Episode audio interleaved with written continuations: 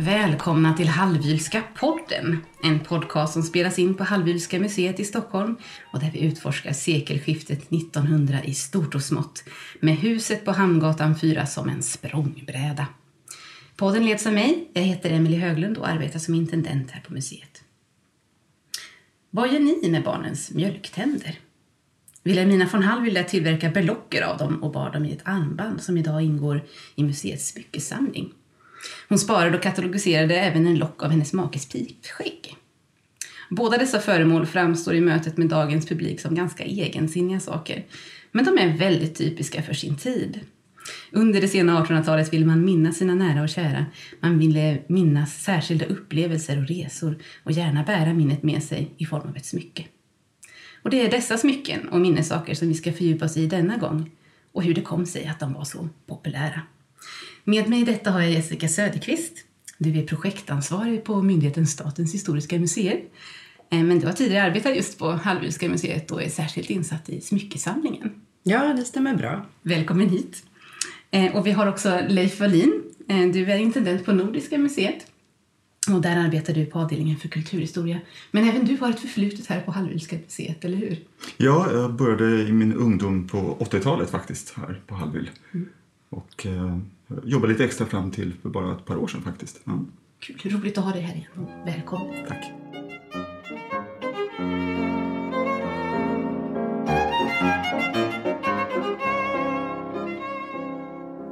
Jag tror att det ännu är ganska vanligt att man sparar på sina barns mjölktänder, åtminstone för en tid.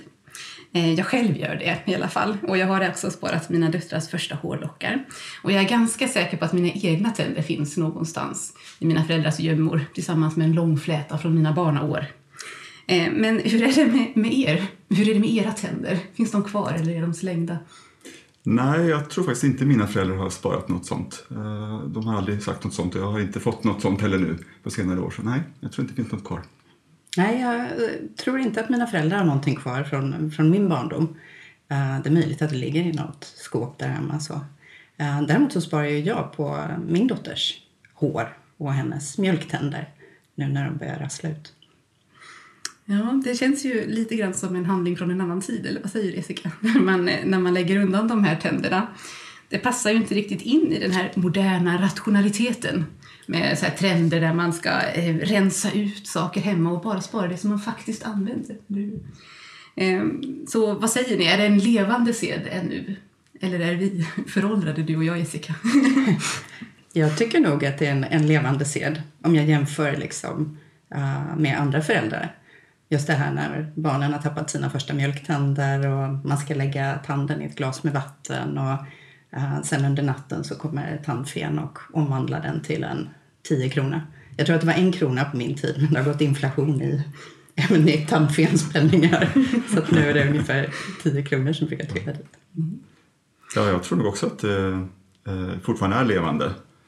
Jag pratar lite med mina kollegor och så vidare nu inför det här och eh, det är många som, som säger att de, de fortfarande gör det här, att deras barn eller barnbarn fortfarande gör samma sak. Så det är nog levande, allra högsta grad. Ja, och jag tänker på det här att det kan ju bli väldigt dramatiskt också. Just det här med den här tanden som står i ett glas med vatten och sådär. Jag vet att eh, både min egen man och, och även en, en kompis pappa eh, har liksom kastat ut det här glaset med vatten med tanden i. Och det har ju blivit mycket dramatiskt. Mm. Så det hör alltså till att man ska spara den sen också? Tandfen tar den ändå inte med sig utan man lägger den i en burk någonstans där hemma? Ja, absolut. Just det här med mjölktänder har ju haft en särskild laddning historiskt sett också. Jag gjorde lite snabb research inför det här avsnittet och hittade då att tandfen ju faktiskt kan spåras ända tillbaka till vikingatiden. Eh, fast eh, då menar man inte ett väsen utan man säger tandfä. Och då menar man att man får en, en tandgåva, alltså när man tappar sin första tand så får man en gåva som ska vara grunden för den framtida ekonomin. Det kunde vara till exempel en kalv, alltså ett fä, så tandfä. Och det här omnämns redan i eh, det litterära verket Eddan i Grimners saga om man vill läsa sig till det. Så det har en lång historik. Och jag hittade också att eh, det på medeltiden fanns en hel del skrock runt tänderna. Då skulle man inte spara dem utan man skulle gömma dem, bränna dem eller gräva ner dem. För att det där med tänder kunde vara lite farligt också. Eh, om en häxa fick tag på dem till exempel, då kunde de få makt över dig om de fick makt av den delen av kroppen. Eh, så att eh, tänderna och synen på tänderna har en ganska spännande historia, tycker jag, som det verkar. Eh, men hur ser det ut sen när vi närmar oss halvljustid och 1800-talet? Hur ser man på tänder då? Ja, ehm, det är förstås lite olika vilka samhällsklasser vi rör oss. Men tittar man i bondesamhället så, så hade man fortfarande mycket olika tankar om, omkring tänder. Just att, att, ehm, för, för tänder är ju liksom en, en del av kroppen. Och, och, och egentligen samma sak som med hår och naglar. Att läm, när det lämnar kroppen, så, så, som du var inne på också, så kan då onda makter få, få liksom tag på det här och eh, göra en illa. Så det är väldigt viktigt att eh, det inte kommer orätta händer. Så också som du nämnde då, så tänder skulle man ju elda upp, till exempel. Eh, mjölktänder. Eh, förutom den första mjölktanden som barnen tappade. För den kunde då, i vissa, vissa delar av Sverige, så skulle mamman svälja den tanden för att barnet skulle få bra tänder eller inte skulle få sjukdomar. Det är lite olika varianter det här. Um, och um, andra varianter är att alla barnens mjölktänder skulle tas och uh, sättas i en stock på vinden till exempel för att då skulle barnen få starka tänder. Så det finns många sådana här tankar just om att, att um, de, de, är så laddade så man kan inte bara slänga bort dem. Och elda, elda upp dem för att de ska försvinna. Då är man också av med det hela. Får man starka tänder om man eldar upp dem undrar man då? Eh, jag kommer inte ihåg just att man får starka tänder och elda upp dem men då kan ingen få tag på dem i alla fall. Mm, så var det viktiga. Mm. Men det kan ju också vara därför, det här som du är inne på i början, Emily, med Wilhelmina von Hallwyls armband som hon låter göra sina barns mjölktänder. Uh, att hon liksom fogar in dem i ett armband istället för att ha dem ligga och rassla i en burk uh, där hemma. För hon gör ju det här armbandet ganska sent, 1917, och då är egentligen det här med smycken gjorda av tänder lite passé. Så att hon är, lite sen på det, men det kan ju vara just eh, någon slags... Att man vill ordna det lite snyggt och, och ha dem liksom i ja, en kedja och satta som belocker med. Mm. Det är också ganska länge sedan döttrarna tappade tänderna då, när vi är framme på 1917. Mm. Då har väl de också hunnit få sina egna barn och kanske till och med barnbarn. Ja, det är ju flera decennier mm. senare i alla fall. Mm. Eh, finns det någon skill- kan man se någon skillnad i hur man ser på tänderna i bondesamhället och i städerna och borgarklassen?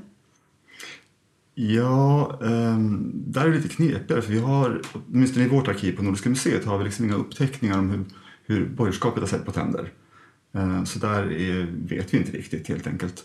Men um, jag kan mycket väl tänka mig att man ändå, de här tankarna funnits med lite grann, att man kanske ändå har kanske slängt dem i spisen och sånt där i alla fall. Men, men eh, jag törs inte riktigt säga säkert där. Mm. Jag tänker på eh, bland de kungliga, eh, och då framförallt drottning Victoria tänker jag på i England till exempel. Hon låter ju också göra smycken av sina barns mjölktänder. Så där hittar man ju, man, man liksom förstör dem inte utan man hittar ett annat sätt att bevara dem som gör att man kan bära dem nära, nära sig och ha liksom kontroll på var de finns någonstans. Så hon får ju till exempel vid ett tillfälle ett litet eh, litet, litet garnityr i form av örhängen och en liten belock. Eh, och det är fuxior och de är gjorda i guld och så är det emalj, vit och rosa, jättegulligt liksom. Och så kommer man till ståndaren och då är de gjorda av dottern Beatrice mjölktänder. Så det är de som sticker ut där. Liksom. Och då kan man säga att de har inte förstört dem men de har liksom fogat in dem på ett sätt uh, som kanske ändå gjorde att man fick kontroll över dem. Det här som ni är inne på, att ingen annan ska komma över dem och så. Mm. Det är också, jag är lite nyfiken och det kanske inte har något svar på egentligen, men just mängden. Men drottning Victoria hade väldigt många barn. Och det blir väldigt många guldtänd, eller, äh, mjölktänder där, men för alla har nog kanske inte blivit smycken av. Nej, men, men äh, flera stycken i alla fall. Mm. Ja, det stämmer. Och likadant så har ju hon, precis som Wilhelmina von Hallwyl, faktiskt ett armband med sina barns mjölktänder. Så det kan vara en inspiration till Wilhelmina kanske. Mm. Mm. För det finns ju fler exempel, drottning Victoria som nämnde, men också andra som, som, som som har gjort smycken av sina guldtänder under 1800-talet och 1800-talets mitt kanske framförallt. Ehm, så det var liksom inte ett unikt, ja, varken grevinnan Hallwyl eller drottning Victoria utan det, det förekom en hel del. Och faktiskt så, eh, igen om jag går tillbaka till bondesamhället i Sverige så, så har vi en upptäckning om att eh, man kunde göra en liten brås av sitt barns första mjölktand. Men ehm, vi har inga sådana i våra samlingar tyvärr.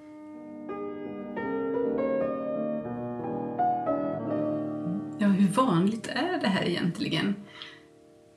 Man tittar, är det gemene man som du säger, att det figurerar i flera olika samhällsklasser? Ja, um, ja, det här kanske Jessica har bättre koll på som är mer inne på smycken men jag tror inte att det har varit särskilt vanligt i Sverige. Um, och tittar man på Nordiska museets samlingar av smycken så har inte vi några smycken alls där mjölktänder eller tänder förekommer. Um, så det kan en indikation på i alla fall att uh, det inte har varit särskilt vanligt i Sverige. Vet du varifrån trenden kommer någonstans? För att jag har märkt när jag har eh, haft visningar här på museet och man kommer till det här eh, armbandet med tandberlockerna att ofta så blir folk väldigt förvånade över det. Men ibland så händer det att någon nickar igenkännande. Ja. Och eh, ett sådant halsband har jag min första mjölktand. Och då har de nästan alltid haft tyskt påbrå. Så ett ah. tag så tänkte jag att det här måste vara någonting från Tyskland. Men det verkar inte riktigt stämma när man när man eh, tittar på det. Vad säger du Jessica, varifrån kommer det här? Ja, jag, jag måste säga att jag, jag, vet faktiskt inte riktigt. Men däremot så vet jag att det är vanligt också att man gör smycken av andra typer av tänder. Men man eh, jagar ju ganska mycket vid den här tiden. Och att man använder då um, tigertänder eller man använder andra typer, alltså vildsvinsbetar till och med och gör lite mer exotiska smycken av. Så det, det förekommer ju liksom att man gör smycken av tänder. Men just det här att man använder ska man säga, från människor, fysiska delar av människor är ju inte särskilt vanligt. Sen kan det vara också så kanske att en del har vi, missar vi helt enkelt idag.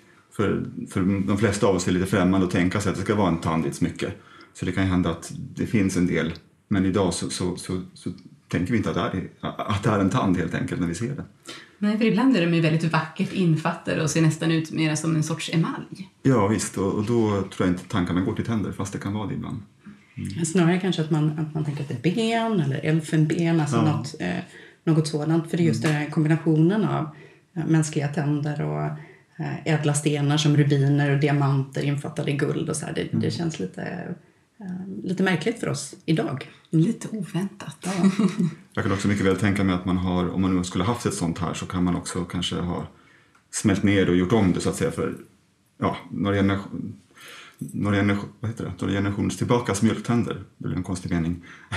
det kanske inte är så många som tilltalas av idag. Eller kanske också från 50-60 år sedan att då gjorde man av smyckena och slängde bort det där.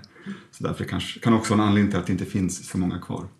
Sen undrar jag också det här med beständigheten hos tänder. Um, min upplevelse är just att mjölktänder har, liksom, inte är särskilt hållbara egentligen.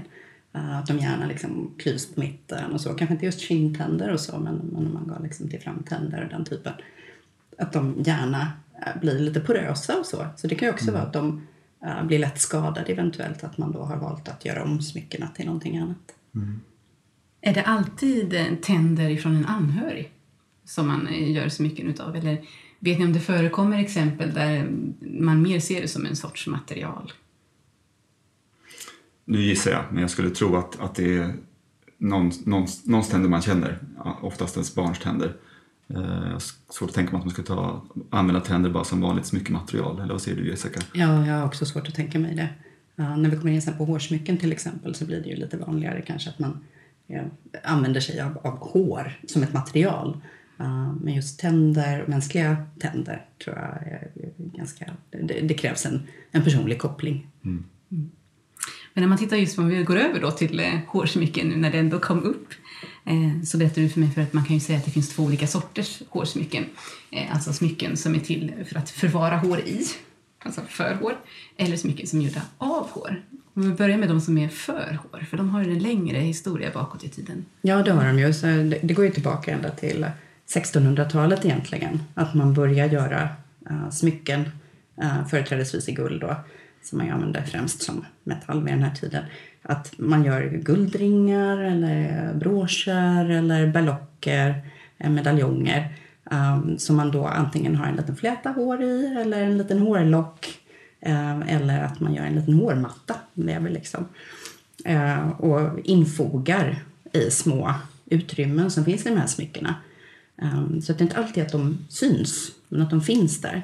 En ring till exempel kan ha dubbla ringskenor och så kan man liksom fälla ut och se att det ligger en liten hårfläta där inne i och så. En brosch till exempel kan ha en, en fläta eller en matta på baksidan.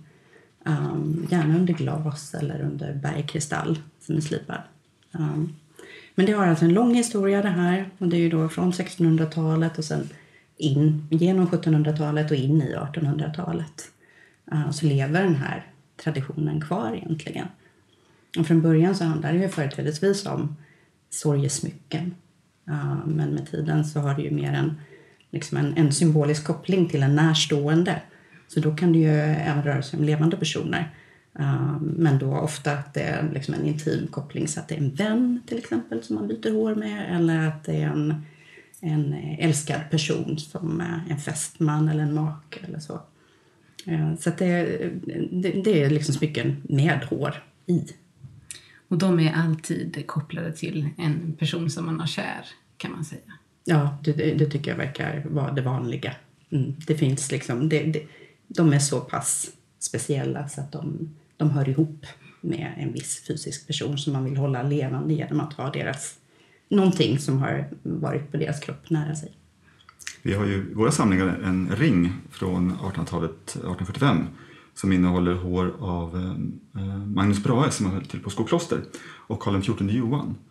Eh, Magnus Brahe var ju väldigt fascinerad av Karl XIV Johan och, och eh, har ju stora samlingar, eller en del samlingar i alla fall, från Karl XIV Johan, ja de var ju samtida. Och då, han har en ring då med, där deras hår är inflätat i varandra och ligger i, in, i en sån här ring som du beskrev just där det ligger inuti, man ser inte håret men det ligger inuti själva ringen. Där det är alltså uppblandat med varandra? Ja. Mm. Mm. Vi har några exempel till just att man har blandat hår eh, från två personer i, i eh, sådana här minnessmycken. Ja, det finns också andra exempel. Många, många, många hår i också, men det kan vi ta sen. det finns en del sådana smycken i våra samlingar också, eller hur Jessica? Oh ja, det gör det ju. Eh, bland de första smyckena som Wilhelmina får när hon är, är liten, 1849, då är hon väl fem år gammal ungefär, knappt. Eh, då får hon en ring eh, och inuti denna ring eh, så finns det då en liten hårfläta eller en hårmatta från en liten lekkamrat som heter Emma Beskow som hon bodde granne med. och den här Emma Beskow dog i scharlakansfeber och då har Vilhelmina fått den här ringen 1849 då av kompisens föräldrar. Så det är liksom ett av de första smyckena som hon får, en sån här minnesring. och sen är det likadant Walter och Wilhelmina von Hallwyl, de förlorar ju en dotter, Elma, Eh, som eh, barn. Och eh, då finns det ju en ballock där man har Elmas fotografiporträtt och sen en lock av hennes hår eh, som ett, ett sorgesmycke. Eh, så att det är svart emalj med en vit pärla.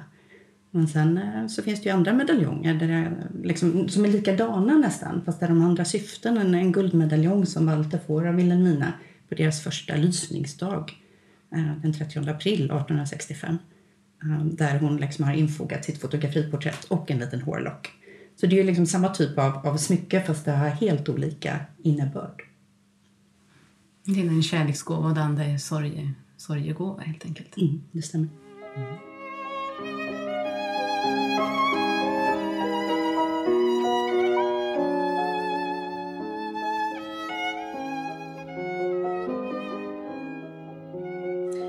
Berättade för mig förut, Jessica, att eh, hårsmycken kunde vara ett tecken på intimitet också. Och det har vi väl lite grann varit inne på med den här eh, minnesringen som du pratade om.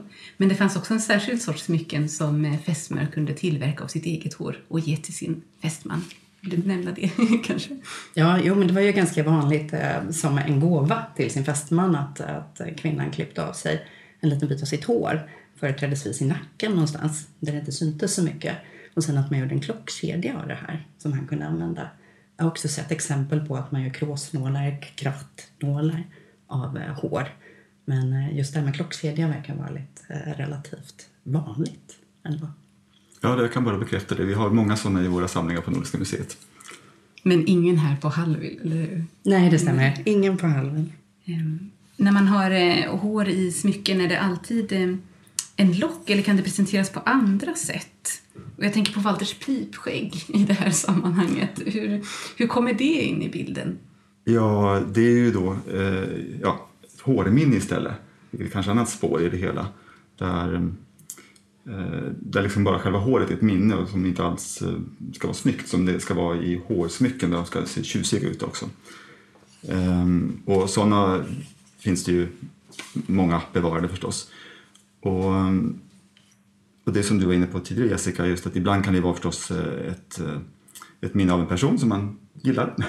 Eller att det kan vara då från en, som, som en person som har avlidit. Och ehm, vi har ju då eh, en lock från Artur Hazelius, Nordiska museets grundare. Hans hustru Sofie dog ganska, hon dog i barnsäng. Och vi vet enligt uppgift då från Hazelius själv att han klipper en lock av sin hustru Eh, den 29 mars 1874, dagen hon dör. Eh, som han sen spar för att han, hans son ska få den sen. Eh, men det vi inte riktigt vet är om den klipps före eller efter hon dör. Och det där är ju någonting som är lite intressant just att när kan man ta den locken? Är, liksom, är det på, ja, när man vet att någon ska dö eller är det, kan, kan man också klippa den när någon har dött? Um, och där finns säkert olika skolor om. Ja, jag är faktiskt lite, lite osäker där. Men till exempel om man läser en biografi om Vendela Hebbe, eh, Sveriges första kvinnliga journalist, har ju kallats, när hennes dotter Tekla dör eh, som ung kvinna, då eh, finns det ett citat där man liksom klipper hennes långa hårfläta. Och det är ganska omgående efter döden. Så att hon liksom bara har en sky av lockar runt ansiktet och den här hårflätan sparar man då istället. Möjligen för att göra hårsmycken av det, förtäljer liksom inte historien. Mm. Men likadant så har jag också läst eh, på något annat ställe att just om man tar från personer som har varit döda ett, ett längre tag så är inte de här hårstråna lika bra att göra smycken av.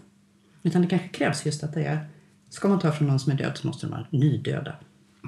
Ja. ja. Jag tänkte på, vi har ju en hel del eh, hårlockar i våra samlingar också, eller en hel del, men vi har Vilhelminas döttrars hårlockar. Och jag tänkte jag ska titta jag ska ta fram katalogen. Nu ska jag bläddra lite här. Jo, precis som eh, alla andra föremål här i huset så är de här förstås katalogiserade och också då eh, beskrivna. Och här finns ju hår från alla fyra döttrar.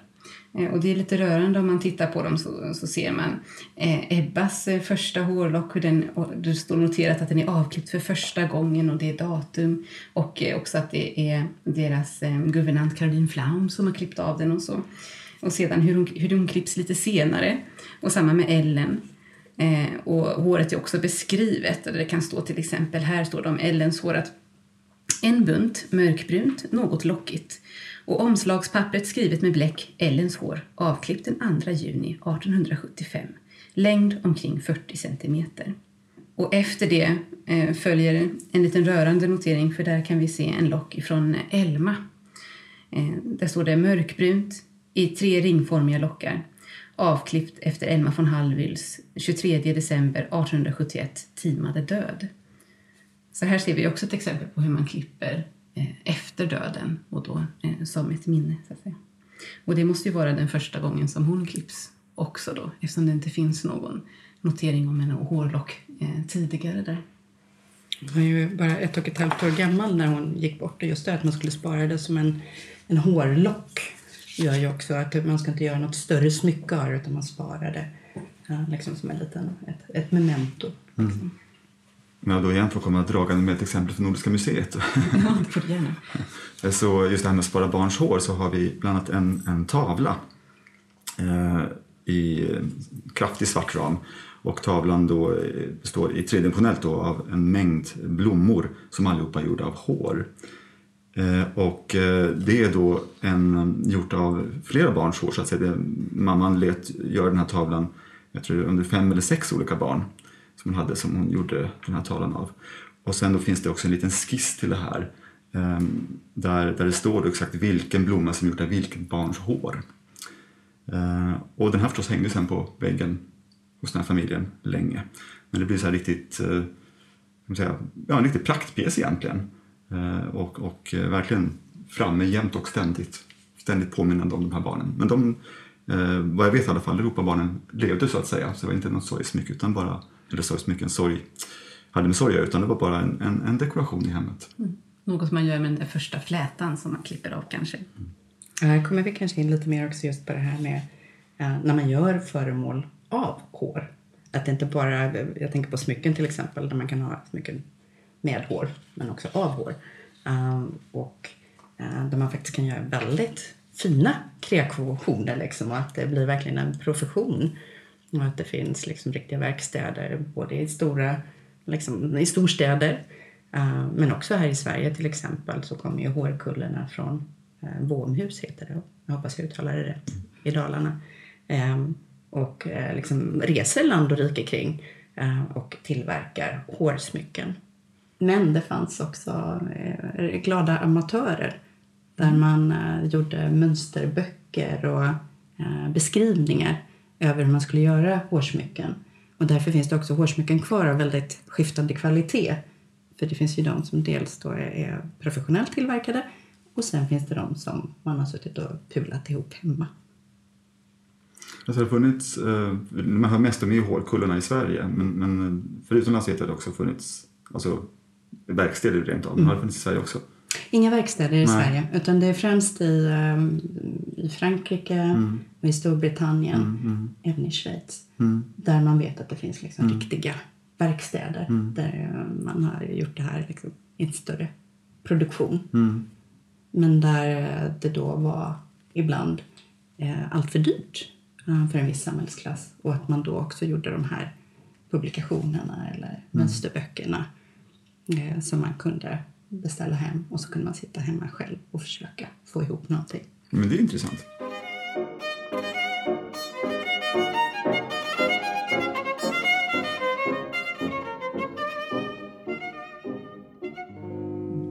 Och eh, vilken tid är vi framme i nu?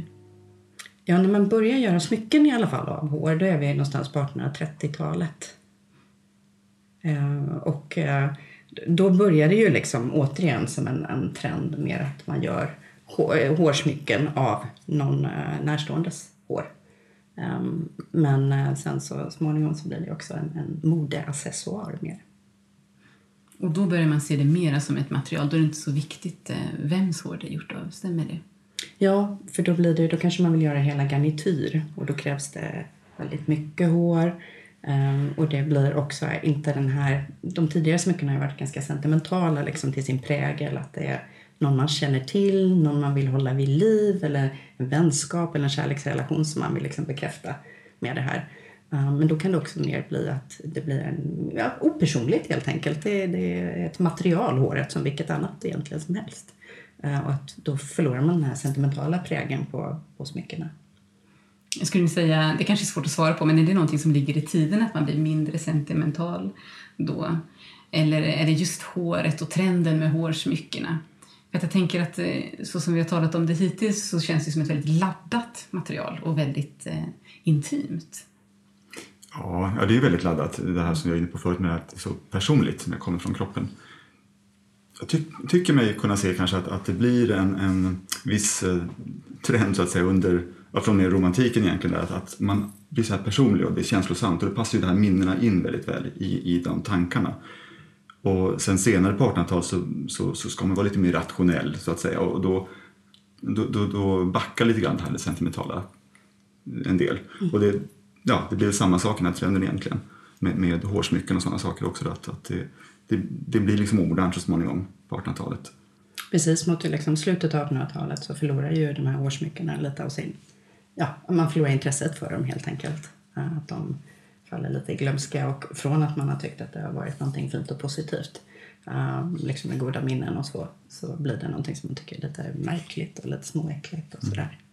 Och följer tandsmyckena samma kronologi? Är det ungefär samtidigt som de också går ur, ur modet? Ja, tandsmyckena är ju inte bevarade i samma utsträckning, i alla fall inte här i, i Sverige. Um, men att uh, det känns ju som att de går lite hand i hand, de här liksom resterna av, från den mänskliga kroppen. Så att säga. Finns det något eh, hårsmycke i eh, våra samlingar som du vill lyfta särskilt? Ja, det finns ju egentligen... Eh, jag kan lyfta fram tre olika objekt egentligen som är gjorda av hår. Dels är det Johanna Kempe på 1830-talet som har två armband i hår där det är orm som biter sig själv i svansen. Ormhuvudet och svansen är i guld och sen är själva då armlänken eller så i mörkbrunt hår. Där finns inga liksom, tecken på att det skulle vara från någon närstående eller så men det är möjligt att det har varit eller att det bara är att berättelsen har försvunnit så att säga från smycket. Att det inte finns kvar.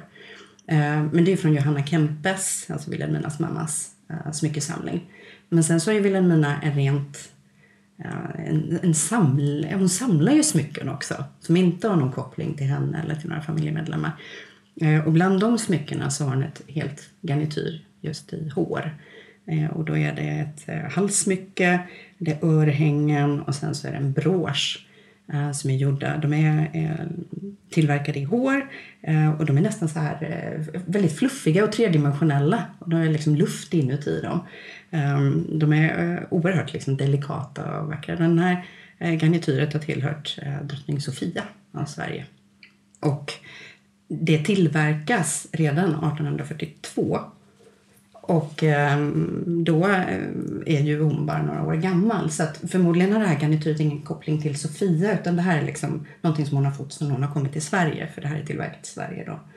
Ehm, så att det, det, har ingen koppling till Sofia så mer än att hon har ägt det och burit det och sen så har hennes ättlingar tyckt att det här har varit lite märkligt så de har sålt det på auktion på Bukowskis och där har ju Wilhelmina varit framme och, och köpt in det här då till sin smyckesamling.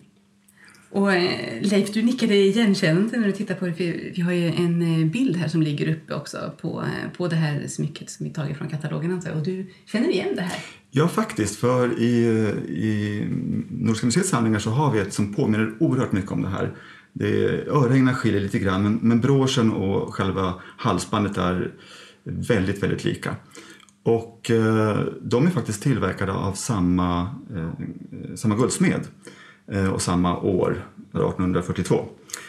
Men vårat, eh, som är på Nordiska, då, där hade vi inte riktigt koll på egentligen var det kom ifrån. Vi hade en, en, en namn på en givare men, men den sa oss inte särskilt mycket till att börja med. Men vi tänkte att det måste finnas en koppling, att de är så otroligt lika. Och förstås då, kopplingen är också delvis att de, att de eh, är gjorda samma person.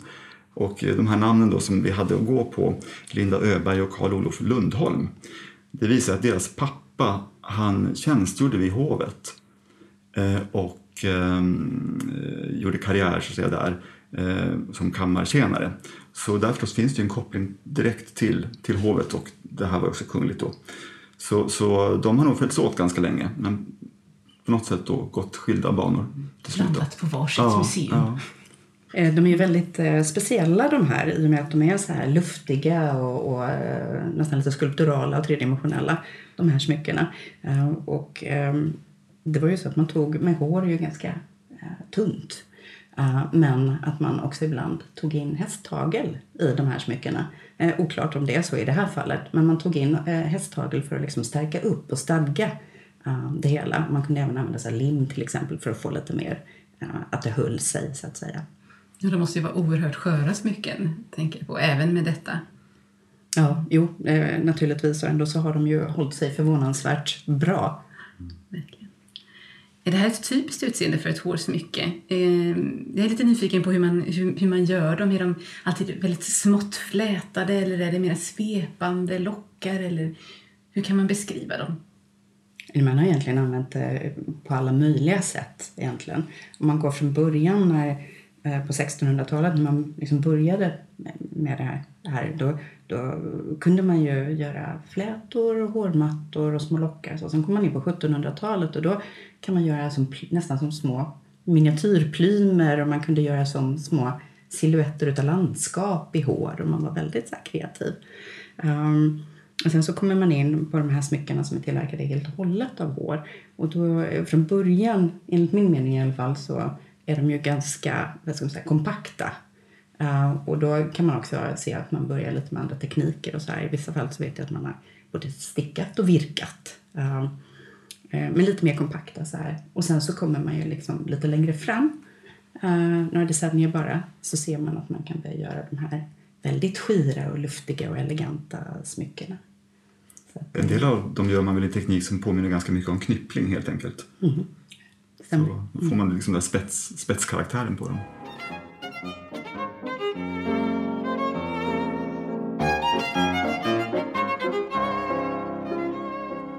Finns ju andra typer av minnesobjekt som också eh, förekommer under den här tiden men som jag tror att många känner sig lite främmande för idag. Nu tänker jag på dödsmasker.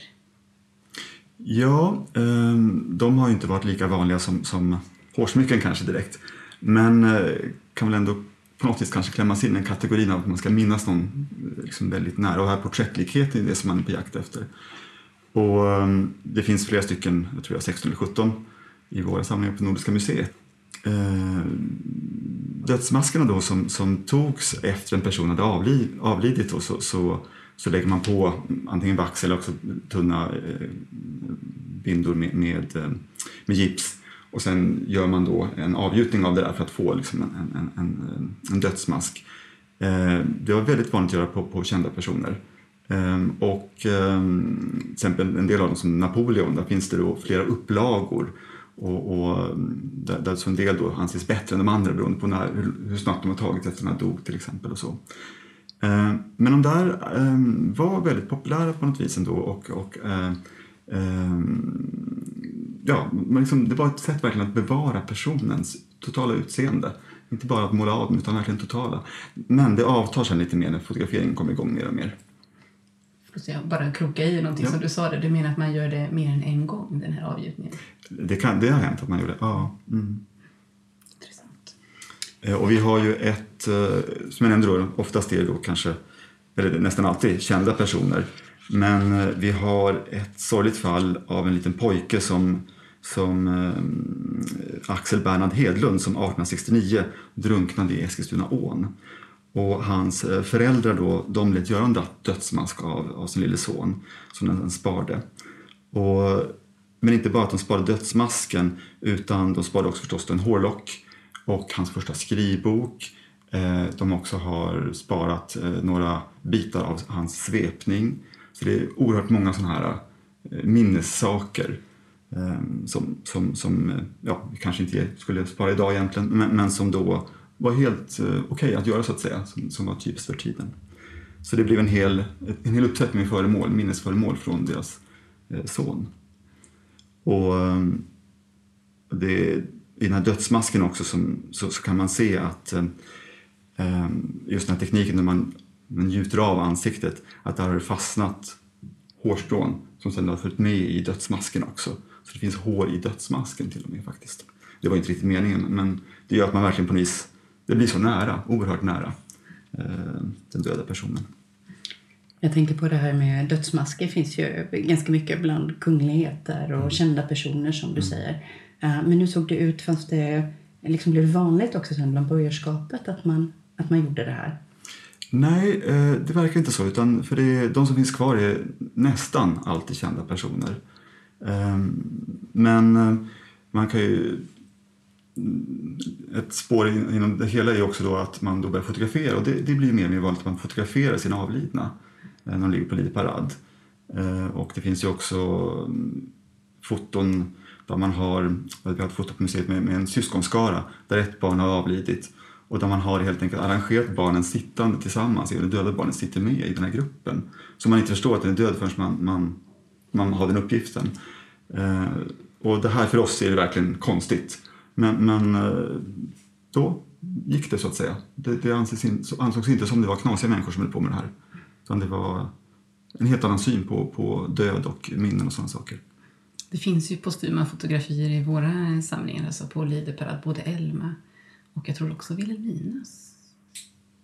Ja, jag tror också någonting uppifrån Stora salongen i alla fall, där hon ligger på det var ju väldigt vanligt att ha, man låg med lideparad i, i salongen Ehm, eller större rummet och då att man inte hade kistlocket på till att börja med. Utan det var av som man såg den avlidna. Mm. Mm. Om man är mer intresserad av det här ämnet så kan man faktiskt lyssna på tidigare avsnitt, Tid för sorg, så det kan ni leta efter, ni som lyssnar.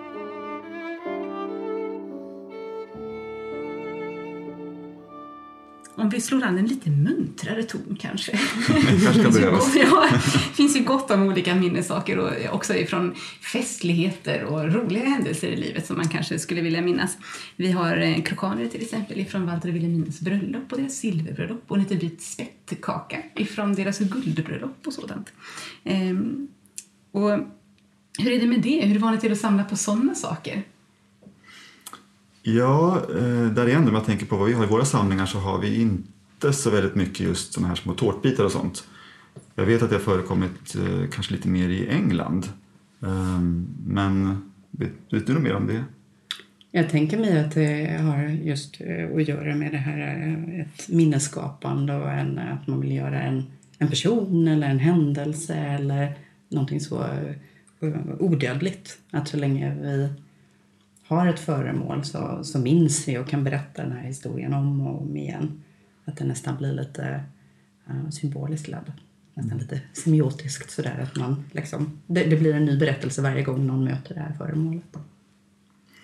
Um, med risk för att kanske inte vara så munter, men eh, det jag kan jämföra med att vi har några brödbitar från svältåren på 1860-talet som, som har sparats. Och vi har också några brödbitar från, eh, Eh, från första världskriget, Sankt Petersburg, en svensk familj som var där. Och eh, det var belägrat, man hade ingen mat. Och då hade man några små brödbitar kvar som man också har sparat. Men det är egentligen tvärt det här med att spara från festen som vi var inne på nu då, med, med, med tårtbitar och sånt. Och det kanske har varit mycket vanligare igen. Det är sånt som kanske inte heller har sparats in i våra dagar. Ehm, och dagens tårtor är också lite svåra att spara så idag kanske det inte går alls. Mm. Men samtidigt så, ja det är betydligt mycket mer socker i, i krokanter och sånt där. Det står ja. sig. Man kan ha i julgranen år efter år och så vidare. Så det kanske är möjligt att spara. Men jag tänker på det här som du berättade om brödet från Sankt Petersburg. Att det, måste också, det säger ju också någonting om hur viktigt det är att ha ett minne. För att om man tänker att man är i en svältperiod och så, och så sparar man just bröd. Mm. Som man mest av allt ju förstås är det man behöver och, och också för att överleva så. Men man väljer ändå att man ska spara det för att minnas detta. Det måste vara en väldigt viktig period som man vill berätta om då. Absolut, visst. Eh, igen, minnen är ju viktiga för oss. Det är som du var inne på, där man berättar. Man kan berätta utifrån ett minne. Det är motsvarande som en bild. Det är lättare att komma ihåg någonting och berätta från en bild. Det blir samma sak med de här minnesföremålen. Du hänger upp minnet på, på det här föremålet helt enkelt. Mm. Vi har ju i våra samlingar också en hel del reseminnen eller minnen av händelser. Till exempel en tågflisa som har en spännande berättelse. Ja, det finns det ju. Det är ju när Walter och Wilhelmina är på resa. Jag tror att de är tillsammans med sina barn. Eh, de ska åka tåg i Tyskland. Och eh, när de kommer fram till eh, den första vagnen där de ska sitta så vägrar Wilhelmina att kliva på. Hon får liksom dåliga, dåliga vibbar av det här och säger nej. Och eh, hon tvingar liksom med sig hela familjen längre bak i tåget. Och sen när de sätter sig i rörelse och har åkt en bit då, då spårar ju tåget mycket riktigt ur. Och de som sitter i den här första vagnen de omkommer faktiskt. Och då går Wilhelmina fram och plockar en av de här små fliserna som ett minne av det här och för att hon alltid liksom ska lita på sina instinkter och på sin intuition. Mm. Finns det några mer liknande föremål som är värda att nämna? Det är svårt uh, att komma på någon så här. Det jag tänker på Uh, egentligen är ju mer såna här resesouvenirer som man ju tog från olika platser. Mm. Det är ju ingenting vi uppmuntrar till mm. naturligtvis. Mm. Men där det finns små, um, från Vilhelminas mor till exempel, att hon har tagit små, små tygstycken från olika platser uh, där hon har besökt liksom, olika kulturinstitutioner, slott och herresäten och liknande och liksom tagit med sig en liten bit tyg hem från en vad vet jag, gardin, ett draperi, en eh, fåtölj och så vidare. Man hade det som en, en minnessak från resan. Ja, igen, det, I våra samlingar också på Nordiska museet så hittar vi många sådana små, små minnessaker folk har pillat bort från, från både det ena och andra. Eh, inte alls lämpligt som vi är inne på här. Eh, men det är från, från Ja, det kan vara från svepningar, det kan vara från som sagt, textilier, någon gardin på något museum eller ett äldre slott eller så. Eh, som har sparats ändå. Ofta har de här verkar blivit som små, små minnes... Eh, alltså man har lagt dem tillsammans. Man har en liten hög helt enkelt med massor med såna små minnessaker. Likaså eh, från ballonguppstigningar har man små bitar från och lite snöre som har trillat av. Såna saker. Det är väldigt vanligt. Mm, spännande. De här souvenirerna som man samlar på sig och så, som minnen av händelser, det känns ju nästan lite så relikaktigt. Nu tänker jag på så tidiga souvenirer också från pilgrimsresor och sånt där. Att det blir en sorts mellanting mellan, mm. mellan den tidens sätt och sen vårt där man går liksom till souvenirhandlar och, och köper eh, landminnen i miniformat och sådant. Ja, någon tråd finns det väl förstås. Man kan väl säga att kanske de äldsta de här pilgrimsmärkena är någon slags variant på tidig souvenir. Fast de också då skulle ha då en kanske mer religiös laddning också. Men, men ja, det finns förstås en tråd tillbaka till dem. Och det här blir ju då, de här föremålen som vi pratar om, blir mer personliga reliker om man nu kan säga det. De har liksom ingen, ingen religiös eh, innebörd. Men de har en, en personlig innebörd för den här personen. Hur är det med de här minnessakerna när den som har ägt dem har gått ur tiden? Är det okej att kasta dem då? Eller hör det till att man ska spara dem över generationerna? Nu tänker jag lite på de minnesföremål som vi har i våra samlingar. Att eh, Ofta när vi, när vi pratar om dem på visningarna så blir det sätt som man får bädda in dem att de är väldigt tidstypiskt. Egentligen inte alls märkligt att man har en lock av sin mans skägg eller så. Men kanske lite speciellt att den har ett katalognummer och sparas för all framtid. Sådär. Men när är det okej att eh, sätta punkt för det här minnet och kasta den här typen av föremål? Eh, det är säkert väldigt personligt men jag kan tänka mig att när man inte har ett personligt förhållande till personen som, har, som håret kommer ifrån då är det kanske mindre intressant. Men en farmors farfar som man aldrig träffat då kan jag tänka mig att de flesta nog slänger iväg det där om man städar dödsbon och sådana saker. Eh, att då, då, då liksom är det inte så spännande. Och just hår har ju den också effekten att många, många idag, eh, antagligen lite annorlunda på 1800-talet, tycker att hår är ganska äckligt när det inte sitter på en kropp längre. Så länge det sitter på, på kroppen då, då har vi oftast inga problem med det. Men just när det har lämnat kroppen, alltså hår i duschavloppet och sådana saker, eller ja, eh, hår i maten framförallt. Men, men då, då liksom lite äckel och, och det där faktiskt har jag sett delvis mina kollegor ibland också när vi tittar på hårsmycken. Att en del tycker att det här är lite äckligt just med hår som inte sitter fast på en kropp längre. Även fast det då kan vara ja, ett vackert smycke så att säga. Men, men det är ändå hår och hår ska sitta på en kropp.